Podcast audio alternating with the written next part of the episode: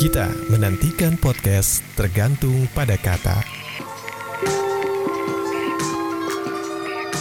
ada satu kata Kata gardu misalnya, yang pernah menyimpan makna kuasa untuk menjaga, kini sepertinya tak lebih dari bangunan mati yang berfungsi sebagai penentu. perjuangan adalah pelaksanaan kata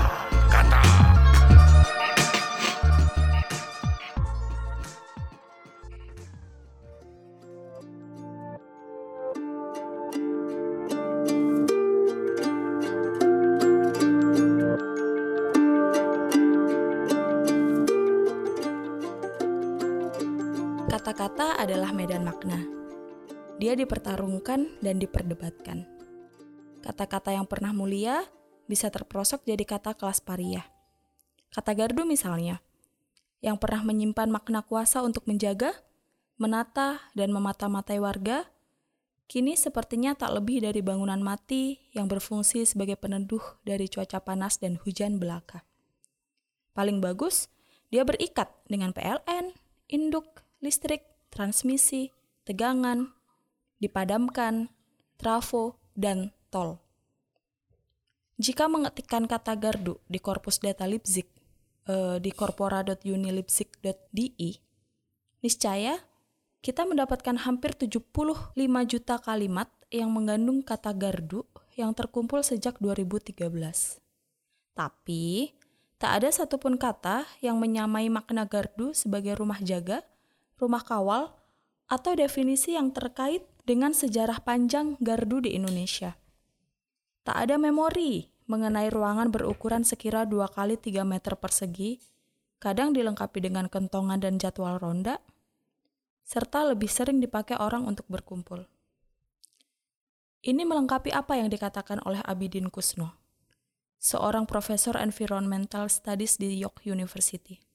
Dia pernah menulis, jika ada suatu bangunan yang terlupakan dalam melihat dan membahas arsitektur perkotaan, mungkin gardu adalah bangunan itu.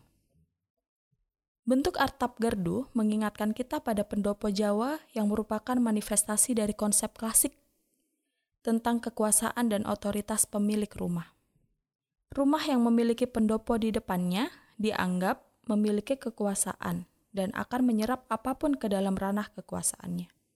Pada abad ke-18, gardu juga terkait dengan pengalaman masyarakat Tionghoa, utamanya di pesisir Jawa, yang menerapkan sistem keamanan dengan ronda lingkungan untuk mempertahankan diri dari serangan. Rekam jejak gardu juga ada dari zaman kolonial. Gardu sangat terkait dengan politik ruang kolonial dan wacana pembentukan jati diri sebuah komunitas. Pada masa itu, gardu diletakkan di pintu masuk kediaman bangsawan. Kehadirannya menandai kuasa raja sebagai pusat semesta. Pada awal ke-19, Gubernur Jenderal Dendels memperkenalkan bagi, pembagian teritorial dan batas-batas wilayah yang jelas untuk mempermudah pengawasan. Wilayah mulai dibagi-bagi tuh. Dan pada setiap jalan yang menghubungkan antara satu wilayah dan wilayah lainnya dibangunlah gardu. Lalu, gardu terus berrevolusi. Setelah merampok Nusantara dari Belanda, Jepang menyalin rupa gardu sebagai tempat untuk mengawasi, mendidik, dan memobilisasi rakyat dengan sistem torigumi. Ikhtiar ini amat penting agar Jepang bisa menang dalam Perang Asia Timur Raya melawan sekutu. Gardu pada masa ini juga tidak hanya bekerja sebagai tempat berjaga, tetapi juga simbol perlawanan terhadap kekuasaan Barat. Pada masa Orde Baru, Gardu lebih dikenal dengan pos Hansip atau pertahanan sipil dan posko alias pos komando. Ini hal yang menarik ya, karena terjadi transformasi posko militer menjadi pos Hansip. Pada era Presiden Soeharto ini, Gardu berfungsi sebagai alat mengawasi hampir seluruh lapisan masyarakat dari pengaruh komunisme. Gardu atau pos Hansip juga berfungsi sebagai media propaganda. Pada tahun 80-an, ada sebuah gardu dengan spanduk yang menggambarkan Presiden Soeharto sedang memberikan instruksi kepada orang-orang kota melalui radio. Tetapi yang menarik, latar belakang baliho tersebut adalah hamparan sawah dan suasana pedesaan. Ini seperti hendak menghadirkan Soeharto dengan imaji-imaji sebagai orang desa, dalam tanda kutip, meskipun tinggal di kota. Setelah reformasi, Mungkin juga masih dijumpai gardu atau bangkai gardu peninggalan partai politik tertentu dengan warna-warna yang khas merepresentasikan partai politik itu.